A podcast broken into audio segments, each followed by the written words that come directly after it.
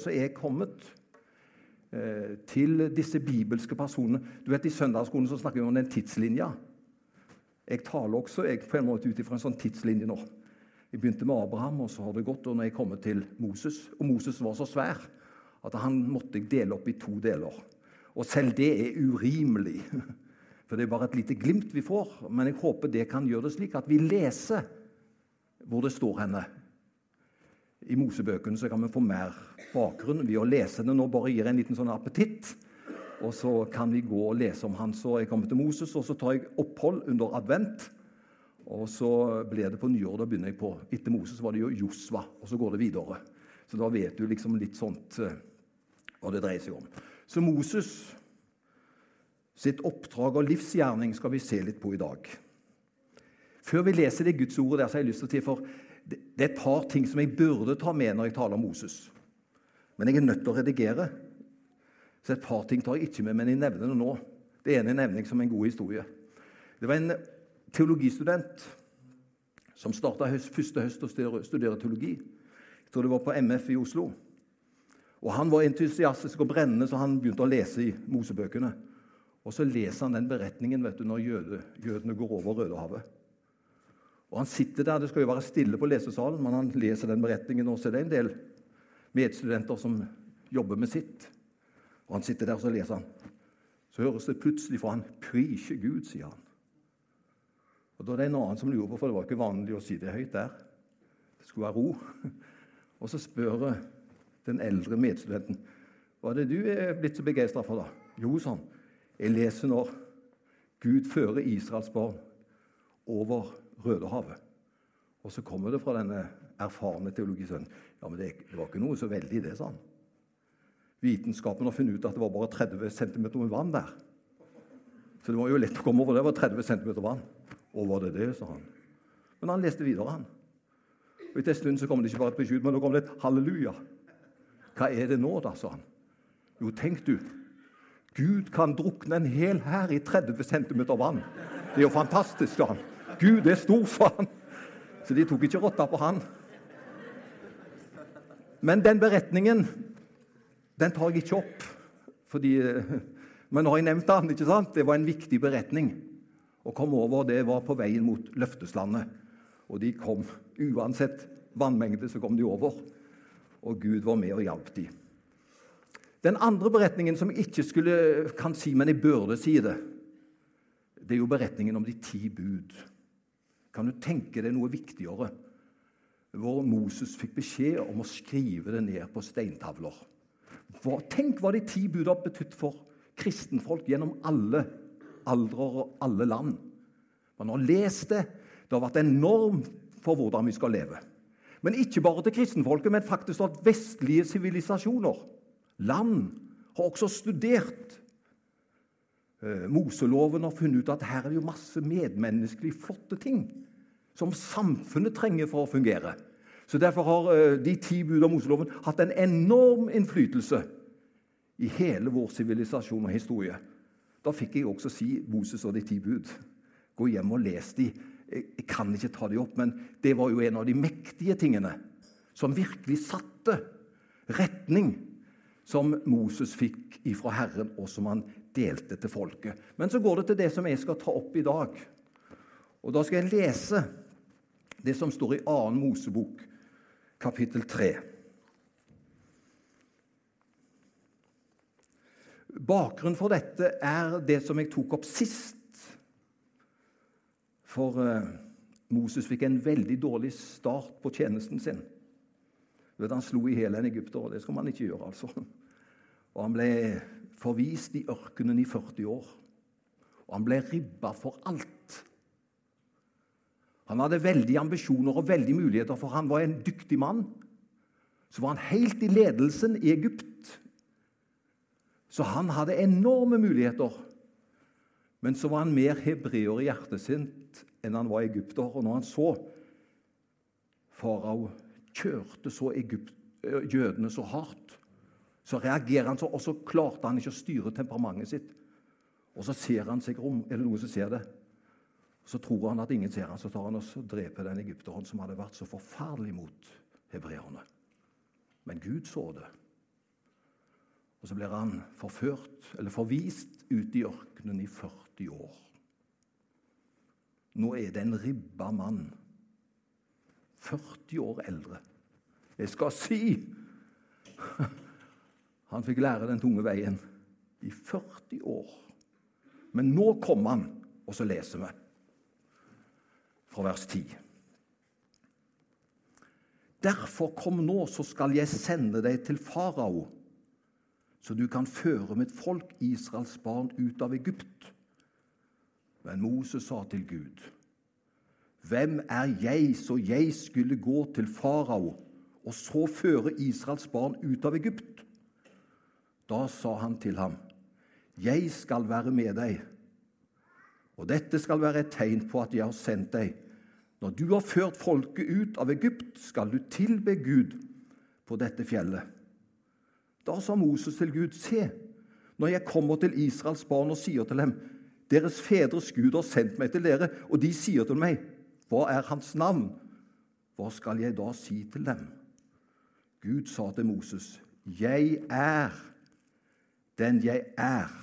Og han sa, dette skal du si til Israels barn. Jeg er har sendt meg til dere. Kan jeg få hjelp av det som dere har foran dere?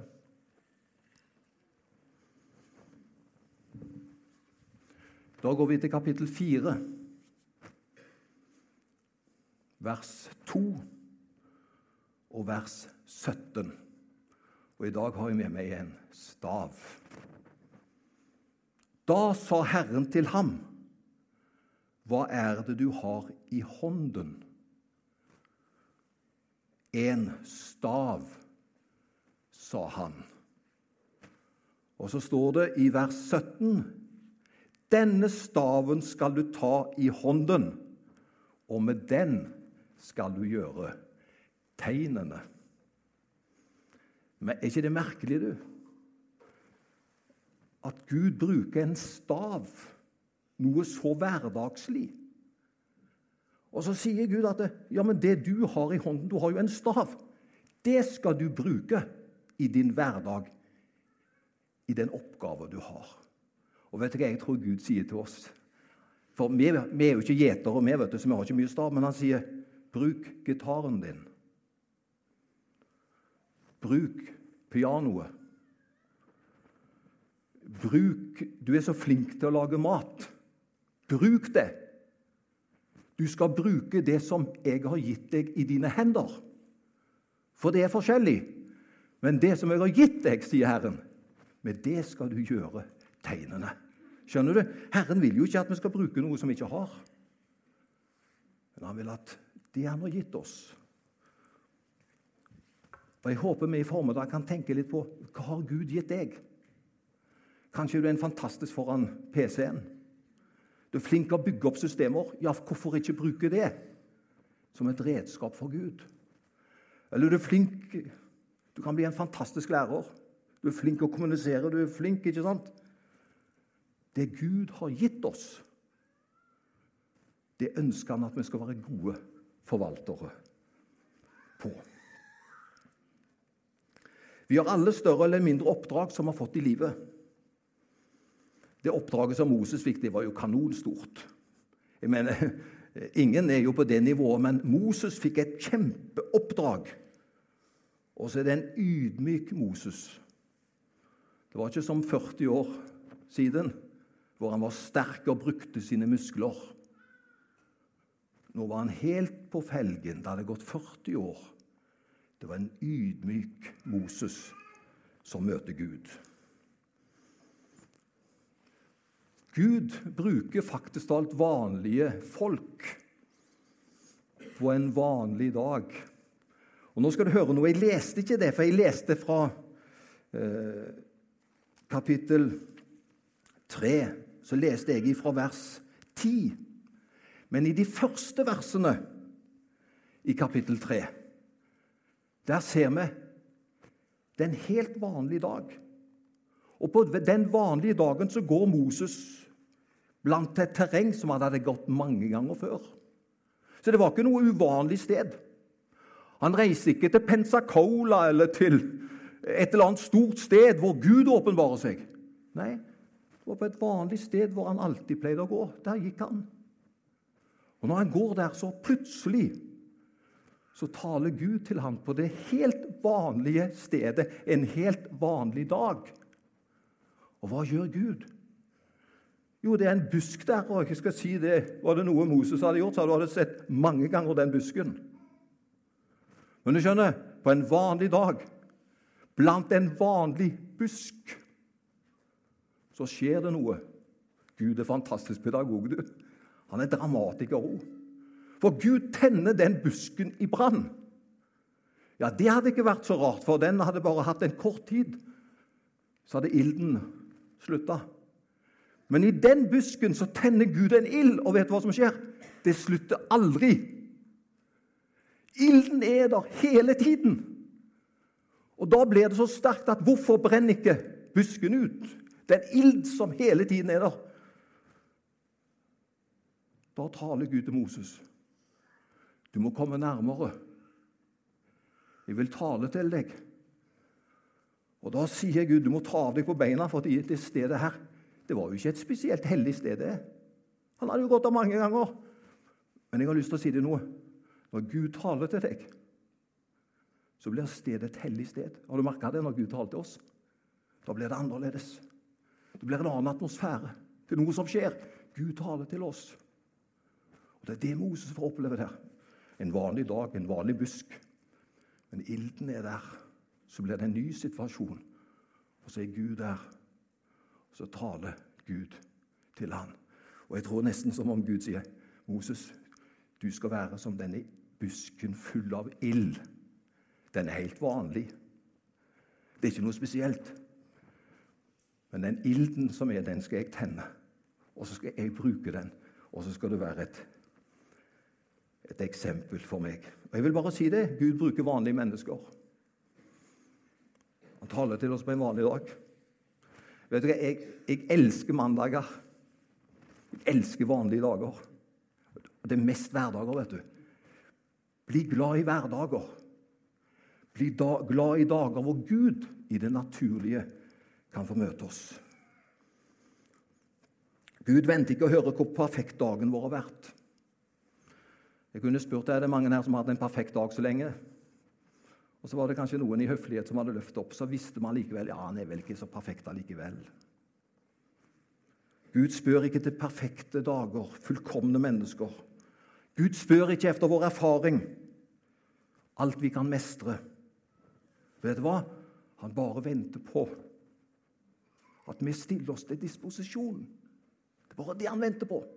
Ikke det perfekte, for han vet at det, det perfekte klarer ikke vi å leve opp til likevel. Men han spør oss kan du være med på en deal? Kan du være med? Kan jeg regne med deg?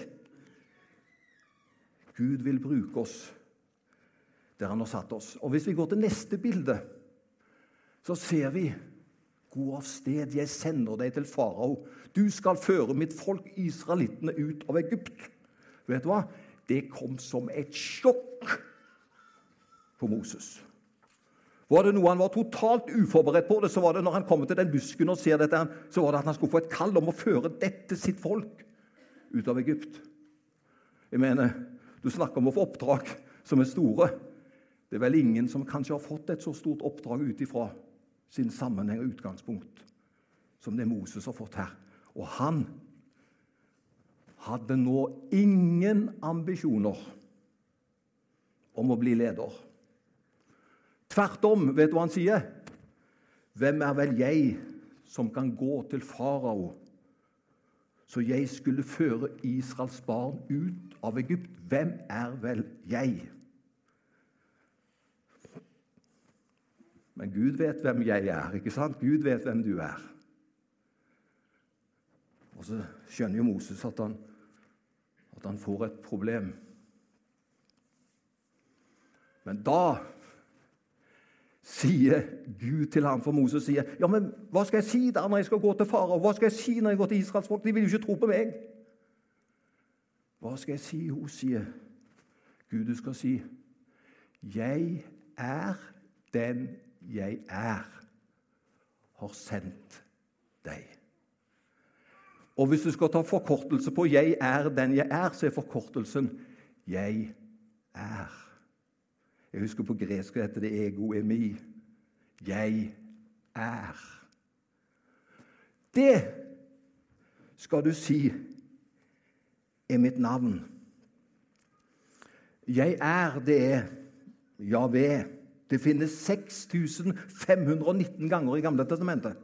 Tenk så mange ganger så står det Javé. 6519 ganger så står det Javé.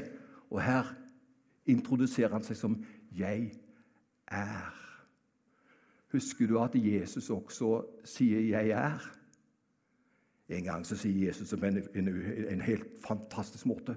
Han snakker til jødefolk, og så sier han 'Før Abraham var, er jeg'. Altså 'jeg er', sier han. Før Abraham var. Og da trodde de de hadde tørna for Jesus. Men han var helt klar, klinkende klar. For du skjønner, Jesus har alltid vært og 'jeg er' det er det sterkeste som kan være. Er det ikke det Jesus sier også? 'Jeg er veien'. 'Jeg er sannheten'. 'Jeg er livet'. Han er det samme som Moses skulle si ved Guds navn. 'Jeg er', og det forteller noe fantastisk om han. Vet du hva det betyr? Det kommer opp her. 'Jeg er' det betyr blant annet, for det betyr mer enn det, men det betyr 'jeg er den evige' den uforanderlige. Jeg er skaperen, betyr det. Det betyr at jeg er den suverene styresmannen over himmel og jord. Altså, Det er ingen som kan være på det nivået når du bruker ordet 'jeg er'. For alt dette innbefatter det uttrykket. Og når, når Moses skal få lov å si det til Israels barn, for de visste denne historien, så kan de ikke protestere så sterkt. For er det 'jeg er' som har sendt deg, Moses, til dem, da må de godta det. Og vet du hva det har å si til meg? Det 'jeg er' som kaller oss. Og Hvis han kaller oss, tror du vi får det til da? Tror du vi kan gå hvis det er han som kaller oss? Som 'jeg er'? Vet du hva? Da kan vi si et annet sted ingenting er umulig for Gud. Og Derfor er det så viktig at vi fyller oss med den som Gud er. For det er jo det som er vårt sikkerhetsnett, det er det som er vår styrke, det er det som er vårt fundament. Det er Gud, hvordan Han er. Og Han vil være med oss. Jeg tror vi får neste bilde opp igjen nå. Ja, det var jo det som han fikk høre. Hva har du? Jeg har en stav Gud vil bruke. Det han har gitt oss. Det var det Moses hadde. Han hadde stav. En annen hadde hatt noe annet. Og Så gjelder det å bruke det han har gitt oss. Og som i neste bilde Før de kom ut, så var det jo ti sånne vet du, sånne ti sånne plager som egypterne måtte gjennom.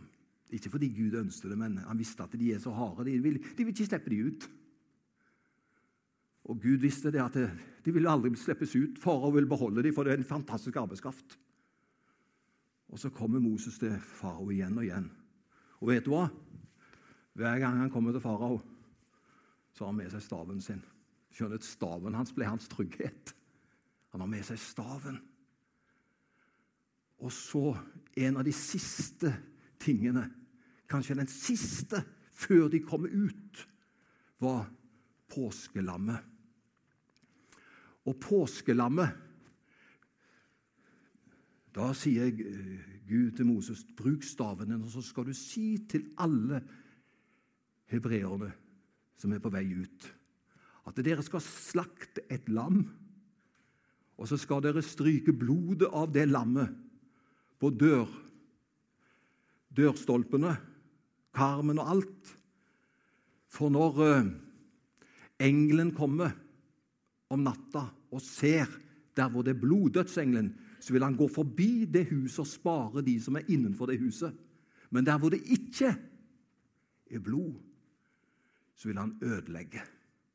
Og Dette sier Gud til Moses. Og Moses sier det. La oss slakte, og så tar vi og smører blodet på det offeret på inngangen til vårt hus. Så kommer dødsengelen.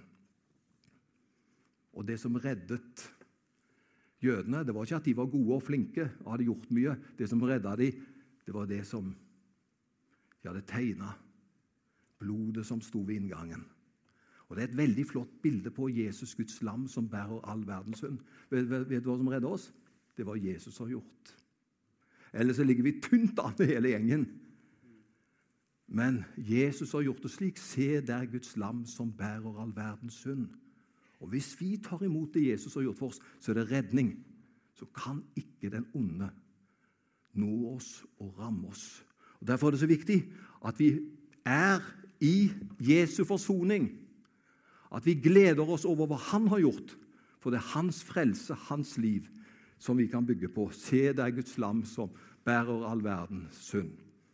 Og så har jeg sagt at jeg skal holde på ca. en halv time. Jeg ser jeg har noen minutter igjen, for det er et kjempetema. Men så skjer det noe med Moses. vet du. Han har ført de ut, og dette med Rødehavet er allerede nevnt. Og så kommer de på andre siden, og så går de. Der rota de seg vekk faktisk alltid i 40 år. Egentlig til ingen nytte. Men de bomma så. De bomma så på målet. De var så opptatt av feil ting. Så på dette tidspunktet har de holdt på så lenge. Da er Moses blitt 120 år. Skal jeg ta en kort repetisjon hvorfor ikke Moses kunne føre folk inn i løfteslandet? Skal jeg ta det? Er ikke det greit at jeg tar det? Ja, gjør det, sa han. Så får vi en liten kort repetisjon hvorfor ikke Moses kunne få være med oss og lede de helt inn i løfteslandet. For vet du hva Gud sier til Moses? Så langt og ikke lenger. For skjønner, Moses fikk høre av Gud at han skulle ta med seg Jeg håper dere husker denne staven i dag. Gud sa til Moses, 'Ta med deg staven, og så har du med deg Aron, så samler du alle Israels barn.' Og så skal du, Moses, du skal bruke staven din, og så skal du tale til klippen. Og når du taler til klippen, så skal det komme vann ut av klippen. Og Det skal være et sånt mektig tegn på at Gud er med og skal føre dem inn i landet. Og På det tidspunktet var faktisk sånn Moses tiltenkt som leder. Men du skjønner, og dette er farlig. For det går an å få så mye suksess med sine nådegaver Hør! At det går til huet på oss. Det som er så fantastisk ment som en nådegave, en sånn velsignelse Hvis vi setter for mye for lit til nådegaven, så kan det rett og slett gå til huet på oss. Og så blir vi ikke i Guds plan. For det Gud hadde sagt til Moses, at han skal bruke staven, men han skulle tale til fjellet. Og så skulle de se at det renner vann ut av fjellet. Og vet du hva? Så er Moses på sin høye hest. Så samler han folket, og så sier han, 'Tror dere mm -hmm. Tror dere jeg skal få vann ut av klippen? Tror dere jeg klarer det?' Det er klart De trodde jo det, for han hadde gjort så mye før. Så gikk han seg opp, og så begynner han å bli fokuset sjøl i hele historien og det som skal skje. Og ikke bare det at han jekker seg opp og sier at 'tror du ikke jeg skal få det til'? Vet du hva han gjør? Istedenfor å tale til klippen, så bruker han staven, og så slår han mot klippen og gjør noe som ikke Gud hadde sagt han skulle gjøre. Og Så taler Gud til Moses etterpå. 'Moses, sorry, det var ikke det jeg sa.' Jeg sa at du skulle samle folk, og så skulle du tale, og så skulle jeg, Gud, gjøre det. Men vet du hva? Du har tatt æren av alt som skjedde nå. Og fordi du har tatt æren av dette og stelt deg i mitt sted Du kan aldri stå i mitt sted, men fordi du har gjort det, så kan ikke du være den som fører mitt folk inn i løfteslandet. Så Det er egentlig alvorlig å gå imot Gud. Og Jeg vil bare si det til unge og eldre og si det til meg selv òg. La oss aldri ta æren av det som Gud skal ta æren av. La oss aldri bli så høye på hesten vår at vi sier at vi fikser det. Gud bruker de ydmyke. Det er derfor det ofte har gått galt i kristenheten. Det har blitt for mye store folk. Men hvis vi kan være nede på gulvet hele gjengen og gi Gud æren, da blir han stor. Og han Tenk på navnet hans. Jeg er den jeg er, og sendt meg til dere. Så det er Og så kommer da Moses. Jeg syns han er sprek. Han er 120 år. Og så, så, så drar Gud ham opp på det høye fjellet. Du må få høre hva det fjellet heter også. Så ikke du tror jeg tuller her nå. Abarim-fjellet. Det var et høyt fjell. Moses er 120 år. Og Gud sier til Moses, 'Opp med deg! Du skal bli med opp her.' Og så får han se hele området. Dette står i Fjerde Mosebok 27, hvis dere leter etter det, denne beretningen. Og så viser Gud Moses hele landet som ligger foran. Men han har fått hørt han skal ikke lede de inn i det. Men så skjer det noe med Moses' hjerte når Gud viser han dette fantastiske landet når han er oppe på fjellet. Og Da tenker Moses, da kommer Moses inn på sporet igjen. Vet du hva? Da tenker Moses på folket sitt. Og så gleder han seg over å tenke at disse skal få komme inn i dette landet. Og Gud har jo en plan. Og så skal Moses få lov til å velge efterfølgeren etter ham. Det må være fantastisk å få velge sin egen efterfølger. Det fikk Moses lov til. Men det var tre ting som Moses skulle ta hensyn til når han skulle velge den som skulle være lederen og føre folket inn i løfteslandet. Det første det står i 4. Mosebok 27. Og I vers 16 står det Moses, når du ser efter hvem som skal være den lederen som skal føre det inn, så skal han for det første han skal være mitt valg, sier Gud. Altså Han skal være Guds valg. Og Det er jo viktig det at vi velger det som Gud vil. ikke sant? Han skal være Guds valg, det var det første. Og det andre han må ha en hyrdes hjerte. Han eh, må ha hjerte for mennesker. Og det tredje han skal være et mann av folket. Hva betyr det? Han må være en som går inn og ut blant folket. Altså Man skal være blant folket og ikke over folket. Man skal være der og lede sammen med de andre. Så Moses han kom hit og ikke lenger. Jeg tror jeg har et bilde som kommer. Har vi hørt om, disse, om Wisløff-brødrene? John Wisløff han var jo lederen av metodismen i Norge. Nei, ikke i Norge, i England. Nasjonale metodistkirka. Wesley, Wesley, brødrene. John Wesley. Og De ble begravd begge to, for de var så viktige. Så innskrift på graven til brødrene Wesley heter Gud begraver sine arbeider, men utfører sitt verk. Det var to kjempegudsmenn som døde, og så er de begrava. Gud begraver sine arbeidere, men han utfører sitt verk. Og så går Guds verk videre. Er ikke det skjønt? Og Slik er det også med Moses. Moses døde, men Gud og ingenting i Gud døde. Så Guds virke gikk videre. Og Nå skal du få en kort oppsummering hva vi kan lære. Er det greit? Det første vi kan lære Gud bruker ydmyke mennesker, for nå var Moses blitt ydmyk. Det andre Gud bruker vanlige folk. Dette med busken, ikke sant? Eh, med staven, ikke sant? Gud bruker vanlige folk.